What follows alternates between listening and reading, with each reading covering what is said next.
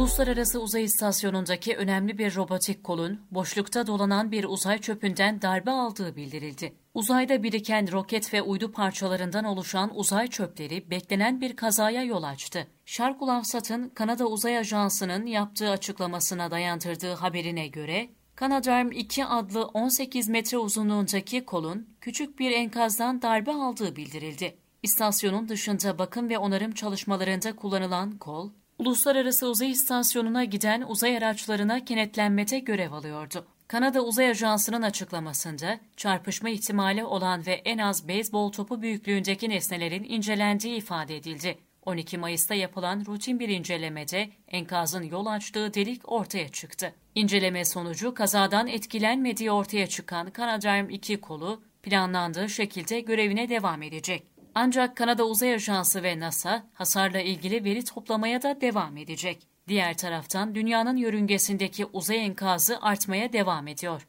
Avrupa Uzay Ajansı'na göre şu anda dünya yörüngesinde atıl vaziyette yaklaşık 3000 uydu bulunuyor. Yörüngede ayrıca 10 santimetreden büyük 900 bin, 1 santimetreden büyük 128 milyon, 1 milimetreden büyük 34 bin nesne mevcut.